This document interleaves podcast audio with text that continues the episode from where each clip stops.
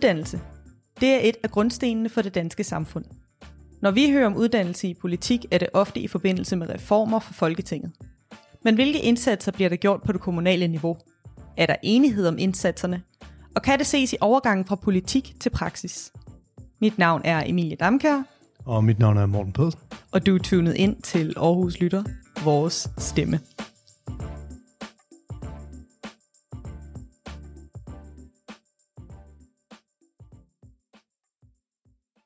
Ja, og Morten, dagens afsnit handler jo om uddannelse. Hvad tænker du, når du hører ordet uddannelse? Altså, når jeg tænker uddannelse, så tænker jeg for det mest lovændringer på sådan et nationalplan, du ved, med folketings øh, beslutninger om folkeskoleloven og bla bla bla. Men den her gang, der har vi været så heldige at få fingrene i en rapport om de lokale indsatser af i Aarhus Kommune på netop uddannelsesområdet. Og jeg har også fået fingrene i en der hjælper os med det. Det er Christian Lausten Sørensen. Og øh, jeg tænker, at vi skal prøve at høre, hvad han har at sige om den her rapport. Han er nemlig sagsbehandler for den. Jamen, så lad os høre, hvad han har at sige.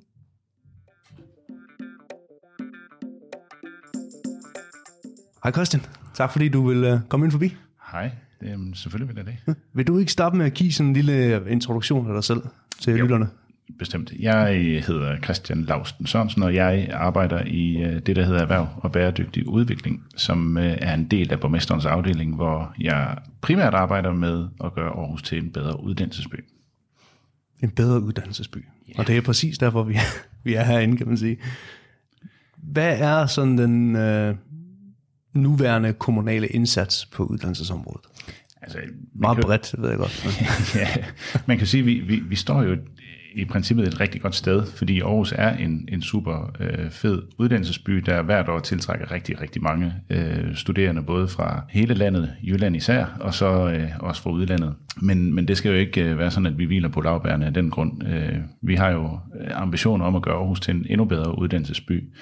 Så vi har en mange indsats i virkeligheden på, på mange forskellige områder. Øhm, jamen altså, noget af det, der er det, det vigtigste, og især for, for de studerende, det er det, er det her med, med studieboliger.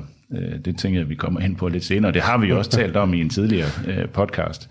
Men, men øh, der er også noget med studiejobs, øh, gør hvad hedder det, de studerende Øh, joblækre, som jeg prøver at oversætte øh, det her employability-begreb øh, med.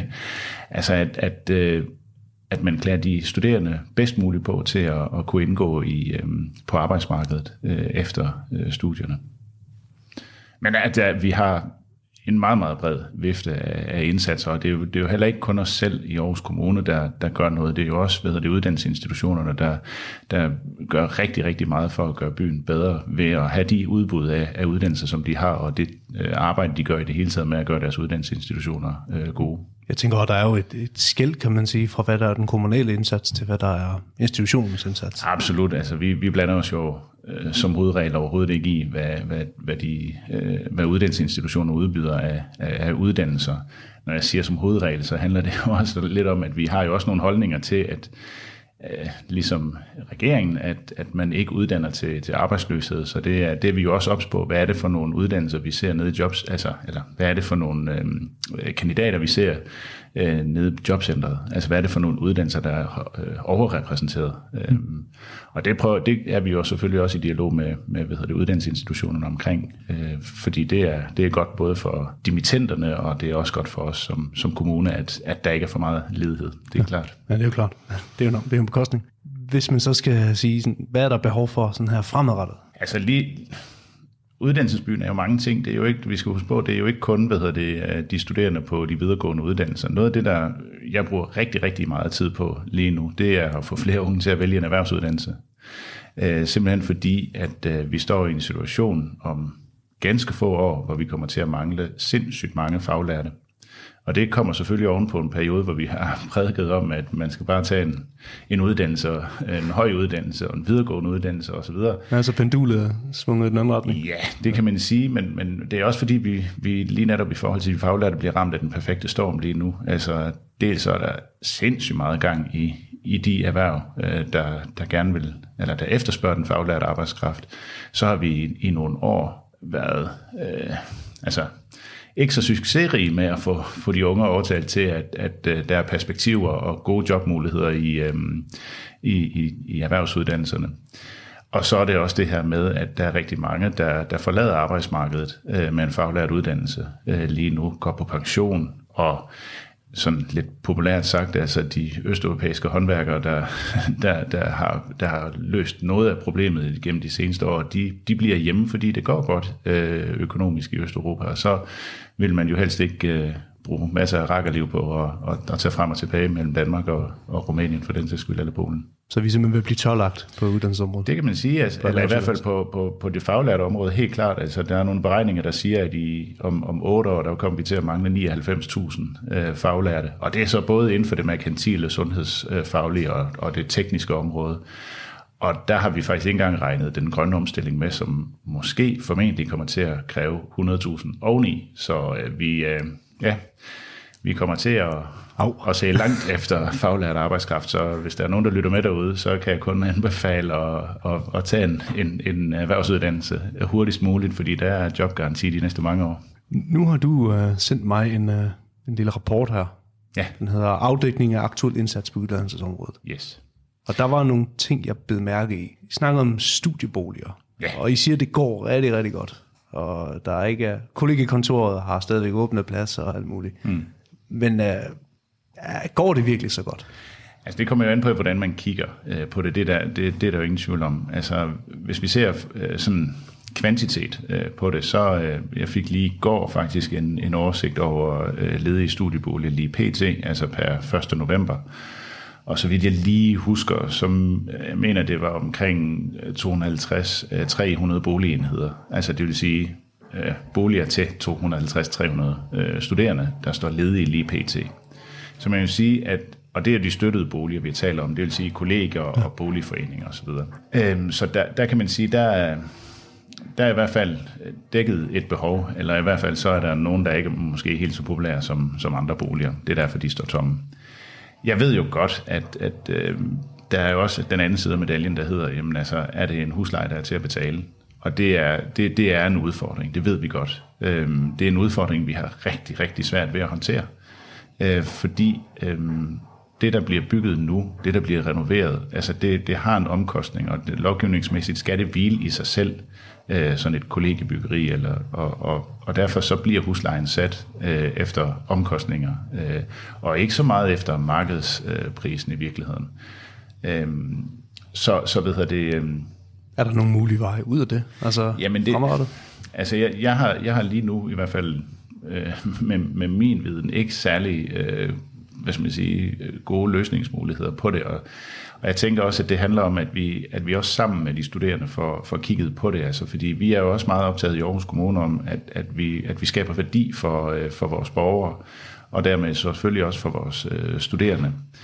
Og, øh, og hvis vi sammen kan, kan finde ud af noget, hvor, hvor, det kan, altså, hvor vi kan løse den her øh, problematik. Altså, der, der er jo der er jo også noget, altså nogle helt, øh, hvad skal man sige, markedsmæssige dynamikker i forhold til, hvordan vi bygger og, og så videre, og der er nogle regler for, hvor store de skal være, bygningsreglementer og så videre, og så videre, der gør, at, at studieboliger bliver, altså nye studieboliger bliver dyre. Omvendt kan vi også se, at de aller, aller billigste øh, kollegieværelser, vi har i byen, det er jo heller ikke dem, der er mest populære. Altså hvis vi kigger ud i øh, for eksempel... I de perifære områder? Ja, altså øh, Skjoldhøj-kollegiet, som jeg personligt synes er fantastisk arkitektur derude. Mm. Det er jo brutalisme, når det er smukkest. Men, men hvad hedder det, det, det, der er jo en, en høj fraflytningsprocent der, derude, eller øh, høj fraflytningsfrekvens. Så det vil være et sted, hvor man måske flyttede ind i starten af en studie, Præcis. og så hopper og så videre. hopper videre. Og, og det er jo så også det, jeg hele tiden har sagt. Altså få nu bare en fod indenfor øh, på boligmarkedet, så kan du altid flytte til noget bedre. Mm. Øhm, men det er altså, jeg vil sige sådan, jeg, jeg forstår de studerende, der siger, at øh, vi skal have studieboliger, der er til at betale. Øh, fordi det er en, en udfordring. Øh, det, det er det i de store, populære øh, studiebyer. Prøv bare at spørge øh, de studerende i, i København. Ja, det, det er det helt andet marked. Ja, og det er jo ikke fordi, at øh, det er jo ikke what about, øh, what about det her, det, men bare at sige, at vi er jo underlagt de samme dynamikker i virkeligheden på, øh, på boligmarkedet i København og i, i Aarhus. Det slår bare heldigvis ikke helt så hårdt igennem i, i Aarhus. Men altså, jeg tænker, at det er en åben invitation til os, at, at de studerende byder ind med, hvad er det så, vi kan gøre af løsning, eller hvad er det, vi kan, vi kan bruge af løsninger til at, at få, bedre det, få, få ja, huslejen ned. Øh, det er jo ikke bare sådan at sige, nu skal huslejen ned, fordi det er netop... At, så der er en mulighed for at starte en dialog? Simpelthen. Jamen, det synes jeg bestemt, at, at vi skal prøve at se på, hvad, hvad der er muligt. Og det er ikke, fordi jeg prøver på at skubbe skubbe aben videre, eller ansvaret videre. Øh, det er bare, altså, vi har brug for øh, nogle, nogle nye tanker øh, på det, men det er, altså, det er super svært. Nu har jeg læst det videre i øh, afdækningen, og jeg kan se, at I skriver noget om læsepladser. Mm. Det mhm. synes jeg var meget øh, sjovt og konkret. Øh, kan du øh, prøve at uddybe lidt, hvorfor I lige fokuserer på noget så, så, så simpelt, kan man sige? Altså måske skulle jeg lige sætte den her, den her afdækning, den, den er lavet i, i forbindelse med et, et beslutningsforslag til, til byrådet om at lave en ny studiebyspolitik, hvor vi, hvor der, hvor jeg på baggrund af hvad hedder det, den debat, der var i, i, hvad hedder det, i byrådet, øh, lavede en afdækning af, hvad er der, hvad, hvad bliver der inden for de emner, der blev nævnt, hvad er der i gang allerede. Og øhm, jeg kan sige, at hvad hedder det, for, for nogle år siden, der, der arbejdede vi med at lave et øh, læsesalshus, øh, en idé. Øh, som, Hvordan skulle det se ud? Ja, altså.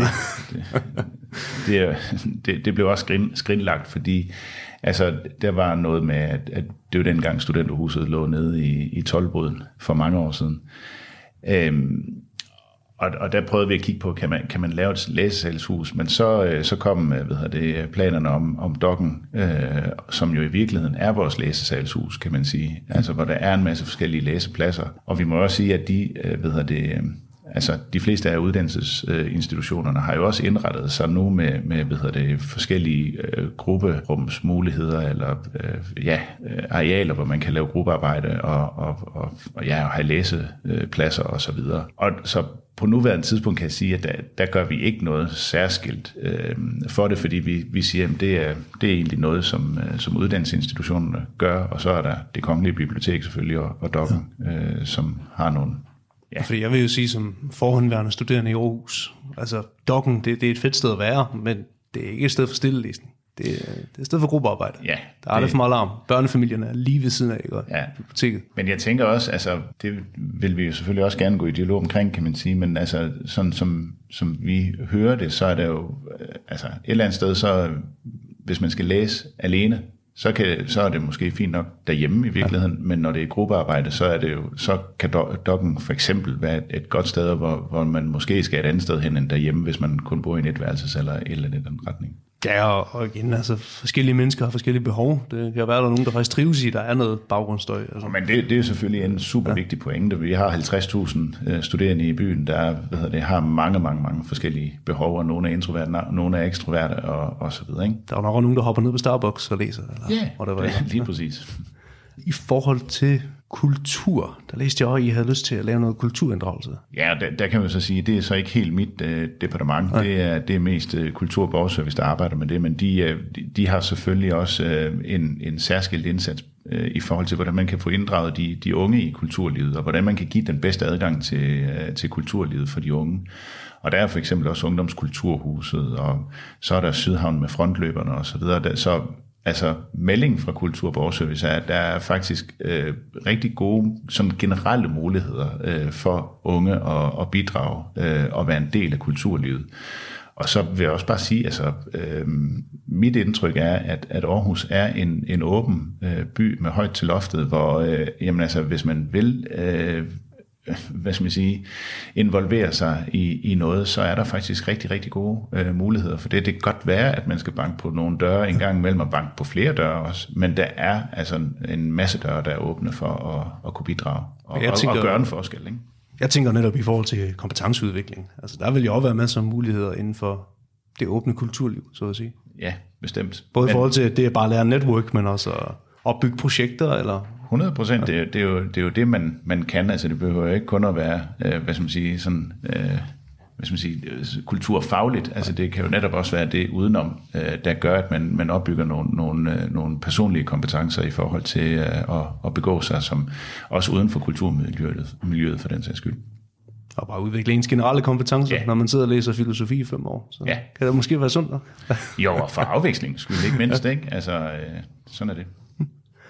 Men øh, tak Christian. Vil du lyst til at komme ind? Det var så let. Det var fedt at høre. Tak.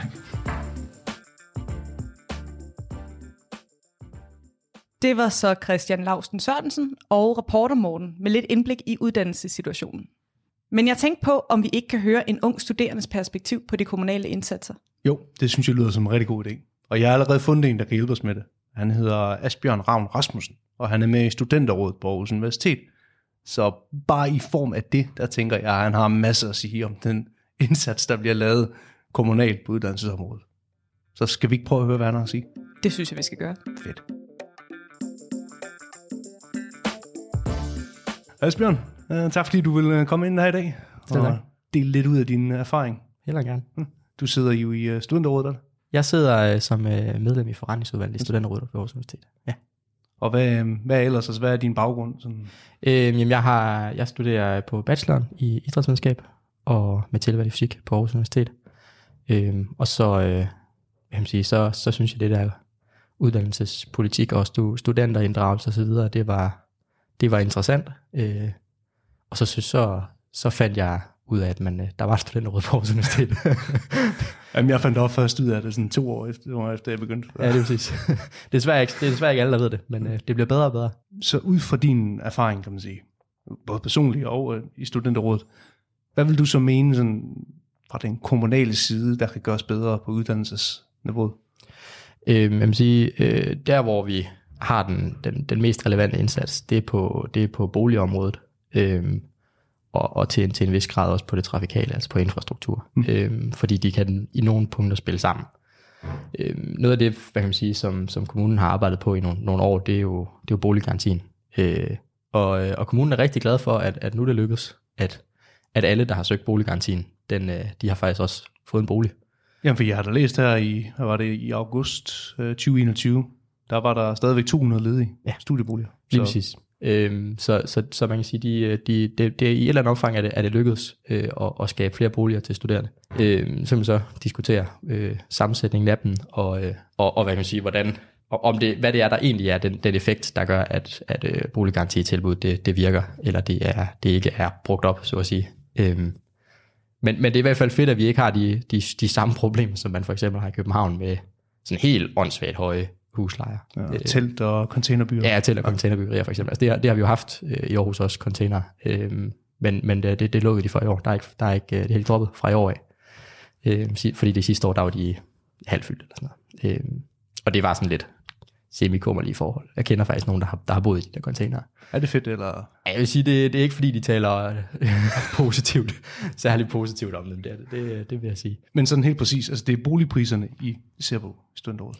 Øh, ikke så meget længere, øh, fordi, øh, altså igen, fordi det ikke er så stort et problem, som det er i København, og fordi man, man har lavet en, en, lavet en meget større bygningsmasse, øh, også på ungdomsboligområdet, og fordi mange ungdomsboliger, ikke alle, men mange ungdomsboliger, øh, er generelt øh, sidder til en okay pris. Det der så er med det, det er, at jamen, der er 10-12.000 ungdomsboliger i Aarhus, og der er 50.000 studerende. Ja, det ja. Der er mange privatboliger der så. Det er nemlig, og det er lidt det, vi, det, vi er ude i, det er, at, at det kan godt være, at, der, er- at boliggarantien virker. Øhm, Der er stadigvæk kun 10.000 ungdomsboliger, øh, og det er meget, meget, meget svært at komme ind på det almene boligmarked, som ikke er ungdomsboliger, øh, for, fordi man skal have helt vildt meget ancienitet. Altså nu har jeg snart 8 års ancienitet, tror jeg. Jeg tror, jeg blev medlem, da jeg var 15 af ungdomsbolig i Aarhus, fordi jeg var heldig at have en søster i Aarhus, øh, som vidste, det var en ting. Øh, og, og nu har jeg, jeg har fået et af mine, ah, nok mit tredje tilbud på en bolig nogensinde. og, jeg, og jeg har søgt rimelig bredt på det punkt. Altså nu bor jeg så i ungdomsbolig nu, øh, så jeg. Okay.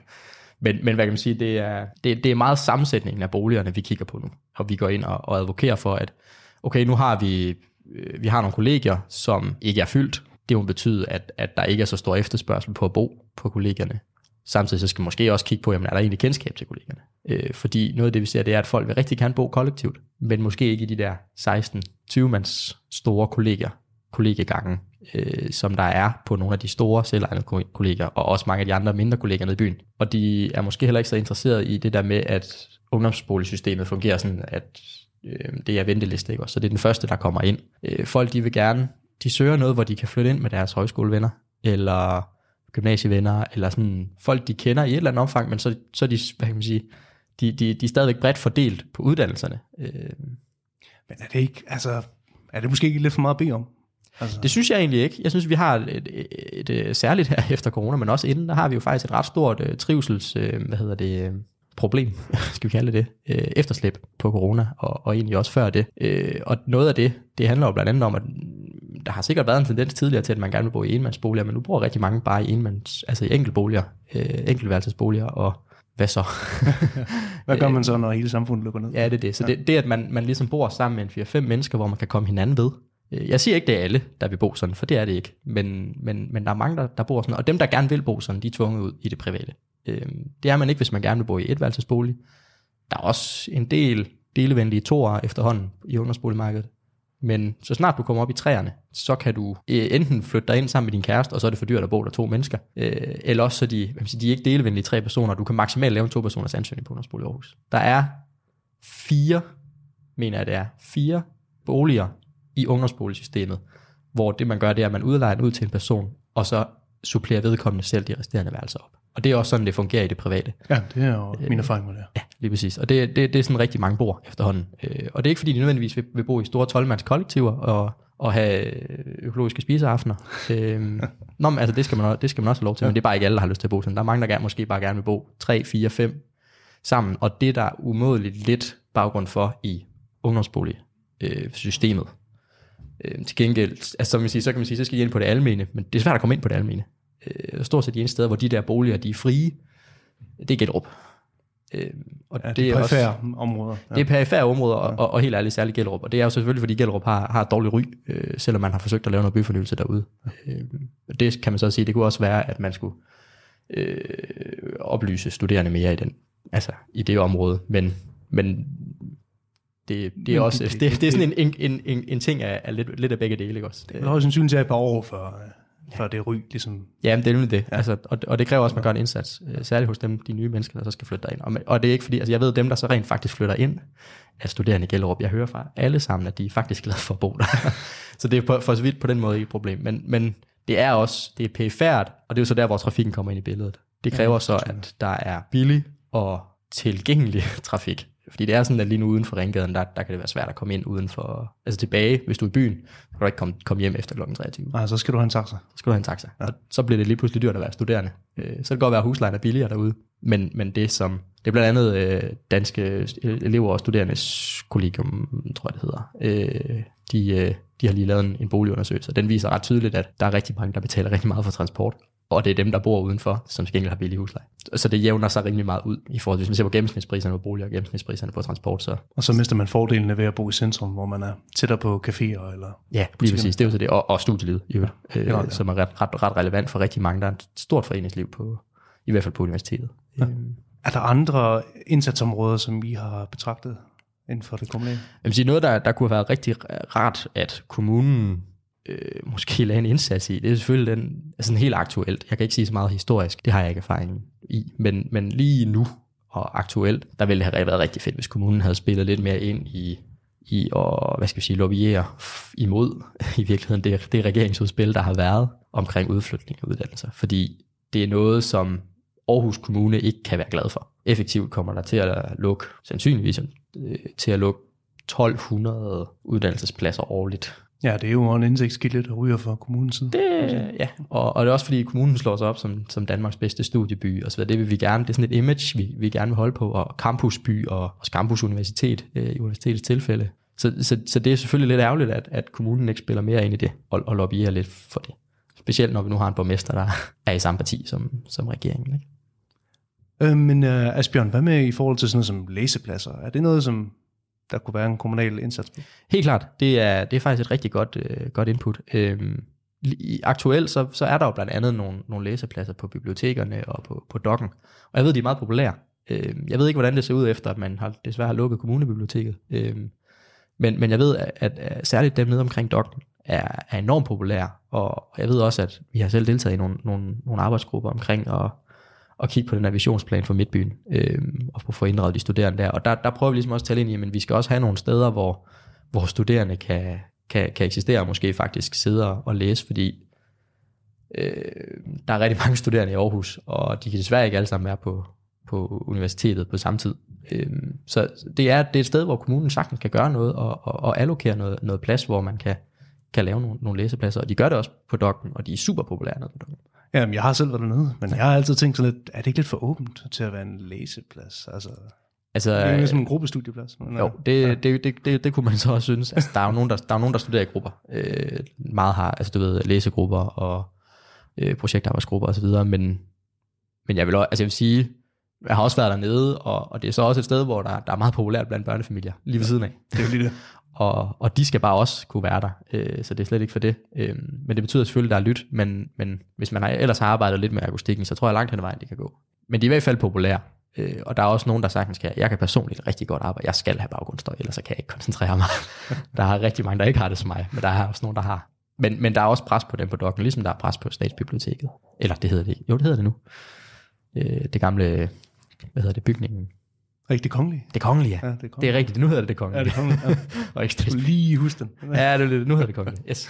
Øhm, der, er- altså, der er jo altid pres, og øh, så er der nogle enkelte steder, hvor, hvor der måske er lidt, lidt, nogle, lidt nogle guldhuller, men, men generelt så er, der, så er der mangel på læsepladser på universitetet, og det bliver kun værre øh, med de næste år, når BSS de, de rykker ind i universitetsbyen, fordi der får de endnu mindre plads, end de allerede har, og de er presset i forvejen. Så der er helt sikkert, der, der vil kommunen kunne, kunne gøre rigtig meget for os at lave noget, nogle læsepladser, der, der hvad man sige, er, ikke lige er nødvendigvis er på universitetet, men, men som sådan gengæld ligger i det offentlige rum, og hvor der så også er, er mulighed for for eksempel lige at få en kop kaffe.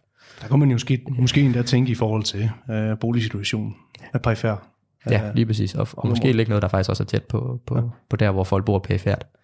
Øh, Ravnsbjerg kollegiet og Skjoldhøj og så videre. Øh, men det kan også være, at det skal være, altså man siger, omvendt, så er det også noget med, at folk mødes øh, fra flere steder omkring, fordi hvis du har, har et studiegruppe, jamen, så bor de måske i Højbjerg, og den ene eller anden bor i Rigskov, og Vejleby. Og, Ja, så have et eller andet midtpunkt, hvor folk kan det, mødes. det er i hvert fald det, Midtbyen er jo. Det er jo et ja. midtpunkt for, for alle de der områder. Det er ikke fordi det nødvendigvis, altså det, det kan sagtens være en god idé at, at lægge noget mere PFR, så kan de jo mødes der. Det er jo heller ikke for det.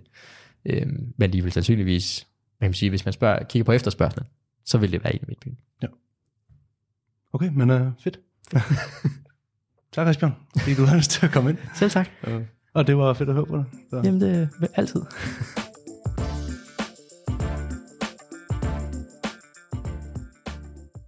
Så Asbjørn havde i hvert fald noget at sige i forhold til den kommunale indsats på uddannelsesområdet. Og det er jo eventuelt nogle ting, som man kan have med i mente, når man går ned i stemmeboksen her den 16. november. Men øh, nu synes jeg ikke, der skal gå akademikere i det hele, fordi hvad med erhvervsuddannelserne? Ja, og det er faktisk et rigtig godt spørgsmål, for som Christian han også nævnt, kommer der til at være et kæmpe behov for faglært arbejdskraft her i fremtiden. Og det kan man også se i den her indsatsrapport. Men spørgsmålet er jo så, om der egentlig overhovedet kan mærkes den her indsats, som øh, de skriver, at de gerne vil lave på selve erhvervsuddannelserne. Og for at finde ud af det, så var jeg ude på øh, Jordbrugets Uddannelsescenter her i Aarhus, hvor jeg snakkede med Michael Sejer. Han er erhvervskonsulent derude. Skal vi prøve at høre, hvad han har at sige? Det synes jeg, vi skal. Fedt.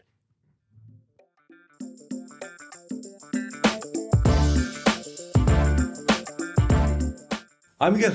Tak fordi jeg måtte komme uh, herude på JU og snakke lidt med dig om uh, den kommunale indsats på uddannelsesområdet. Tak fordi du vil. Vil du ikke starte med at give lytterne en lille introduktion af dig selv og uh, Jordbrugets Uddannelsescenter? Jo, det kan du tro. Jamen, du har afsløret, mit navn er Michael, og jeg er ansat i en konsulentstilling herude på Jobos Uddannelsescenter, hvor jeg dels har vejledning over for vores egen eksisterende EUD-elever, øh, og så har jeg øh, rigtig meget med skolens rekrutteringsarbejde at gøre.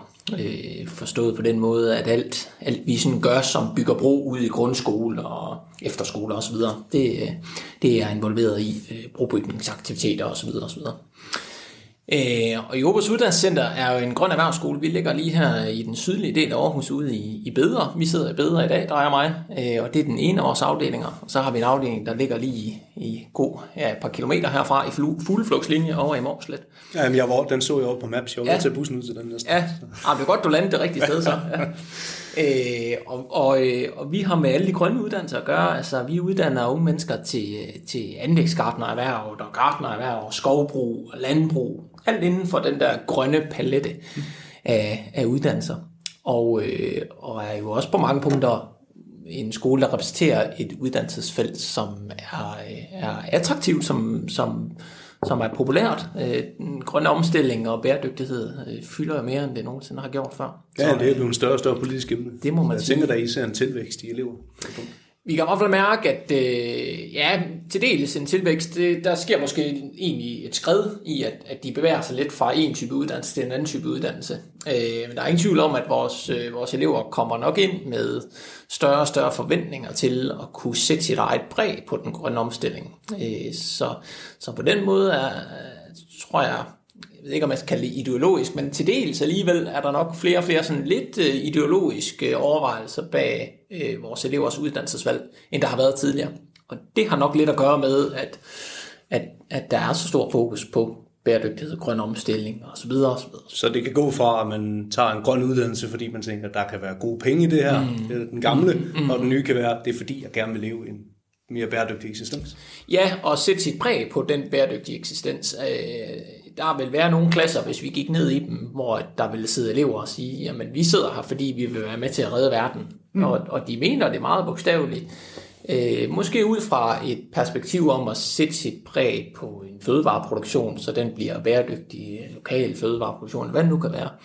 Det kan være at sikre, at øh, nu, nu er du selv øh, for Aarhus af, at, øh, at sådan en by som Aarhus også har et, et grønt islet i sig, altså øh, sikre, at den der byudvikling der, som fylder meget lige nu, ja. også må man sige, altså hvor mange højhus skal der bygges, der sidder der elever herude, som i den grad har en holdning til, at det er meget fint med, med udvikling, men det skal være på også med et grønt øh, islet. Så, ja. så det, det kan være mange perspektiver, men det fylder meget for os elever, at øh, ja, hele den overvejelse. Nu skal vi jo så snakke om den her kommunale indsats Ja. på uddannelsesområdet. Både for dig og for JU. Mm-hmm. Kan man se, at der har været en indsats? Øh, det er... Øh, det er nok lidt svært lige at svare ja og nej til. Altså man kan sige, den konkrete indsats, du refererer til her, øh, hvis vi sådan hardcore kigger, kigger øh, kvantitativt på den, så nej, så kan vi ikke se, at der har været en indsats. Det er den, det er den for ny til stadigvæk.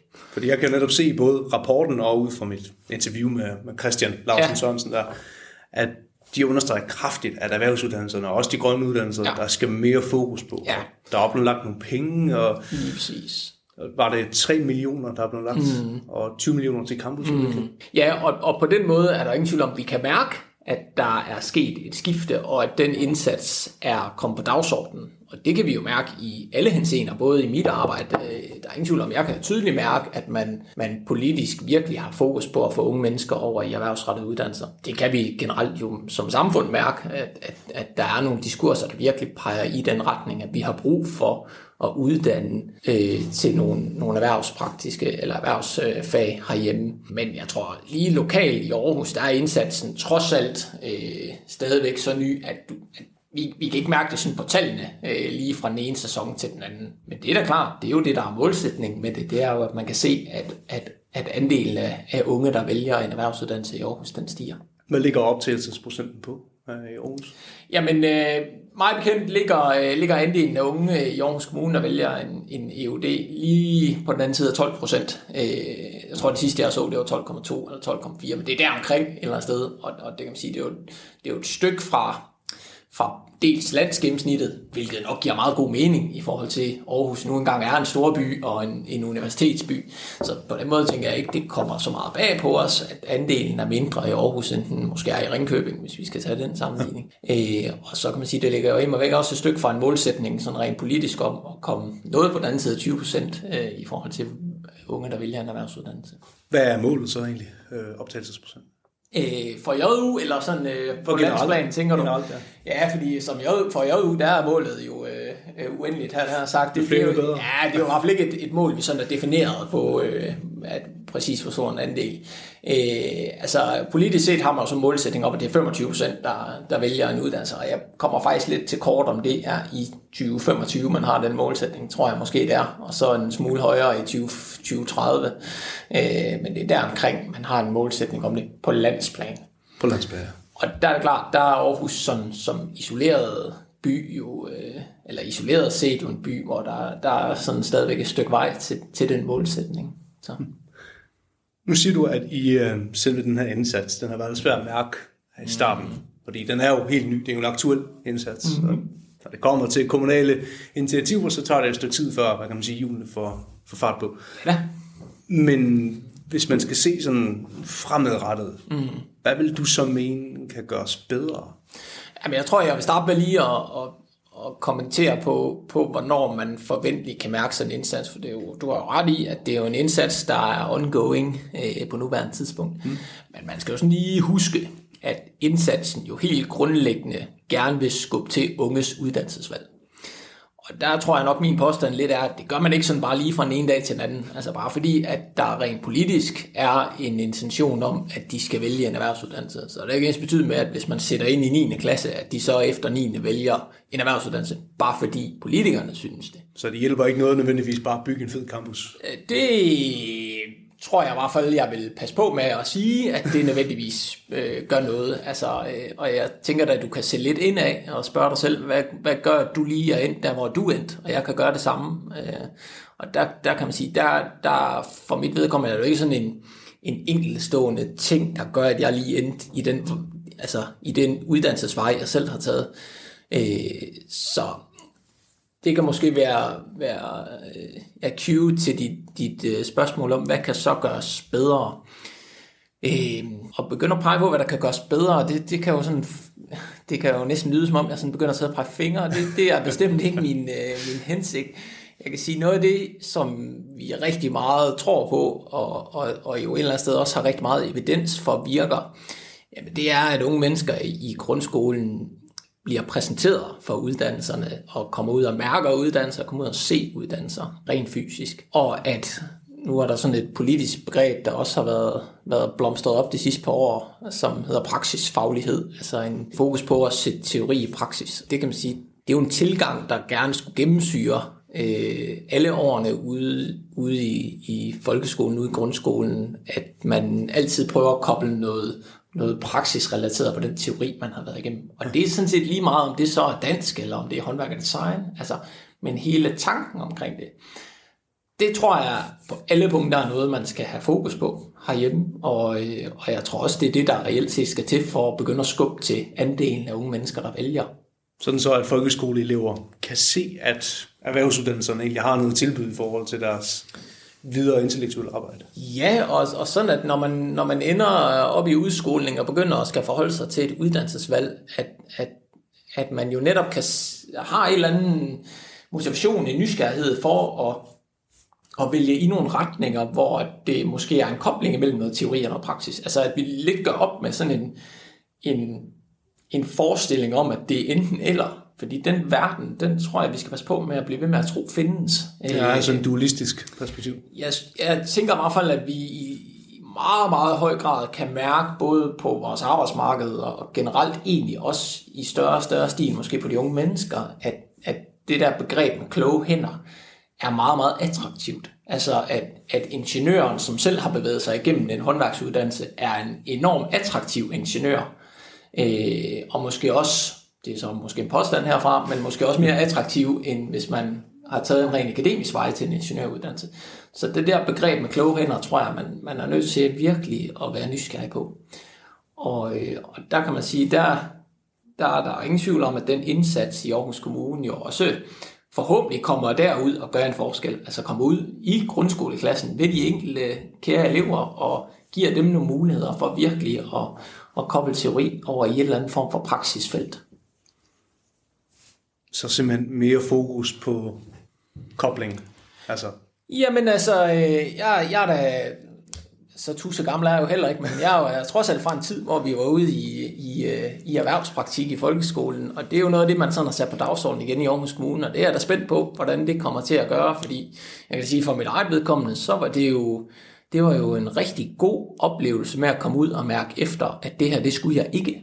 Og det kan der også være noget enormt god læring i. Øh, og, og det er jo et eksempel på, at man som ung i løbet af sin folkeskoletid kommer ud og mærker et erhverv, ser et erhverv, og mærker et fag, og får noget at stå på senere i sit uddannelsesvalg.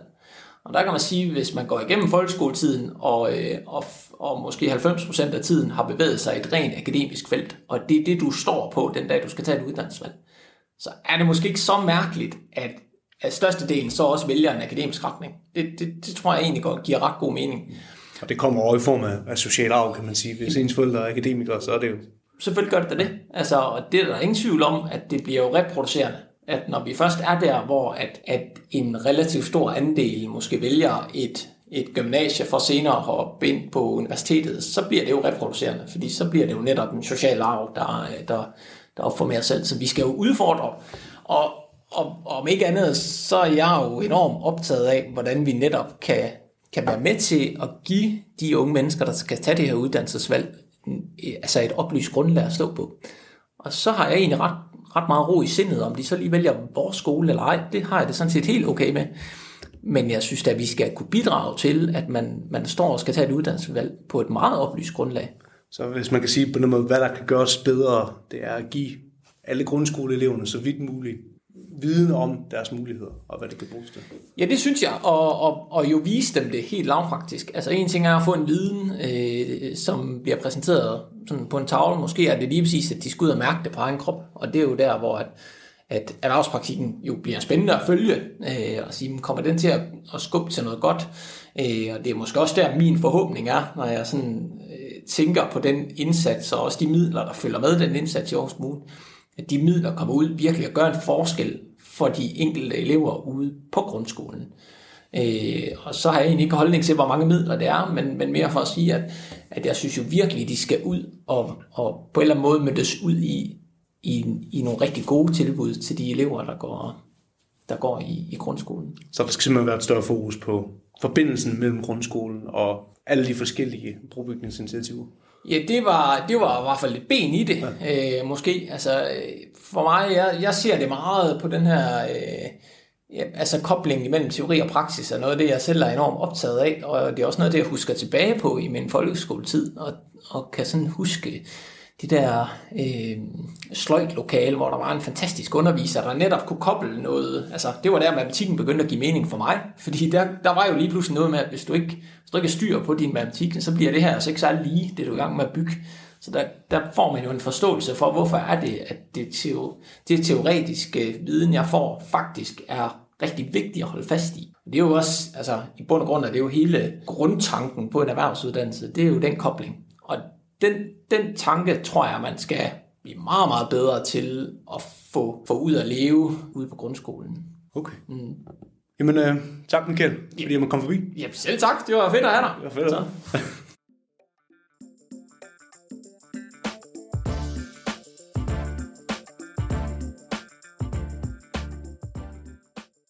Uddannelsesområdet er et stort og kompliceret monster. Men nu ved vi noget mere om de aktuelle indsatser, og det kan forhåbentlig hjælpe med den beslutning, vi skal tage i forbindelse med kommunalvalget den 16. november. Ja, og det er jo efterhånden ved at rykke lidt tættere på. Men Emilie, hvad kan man egentlig gøre for at finde hoved og hale i det her med de lokale kandidater? Jamen, øh, hvis man har lidt svært ved at finde rundt i det, så kan man bruge en af de her øh, kandidattester, der ligger rundt omkring på internettet. Både DR og TV2 har en kandidattest, og så er der også en på Altinget, som er min personlige favorit, øh, fordi man kan angive, hvilke emner, der er særlig vigtige for en. Og man kan også få uddybet nogle af spørgsmålene, hvis man ikke helt forstår dem.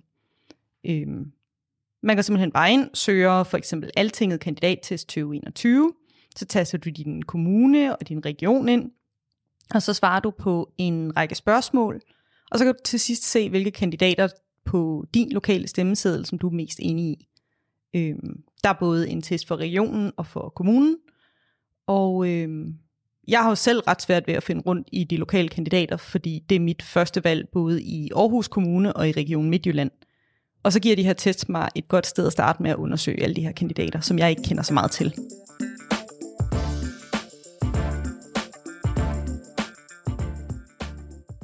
Det var alt for denne gang. Tak fordi du lyttede med, og tak til alle, der medvirkede i interviews. Og husk, din stemme bliver kun hørt, hvis du bruger den.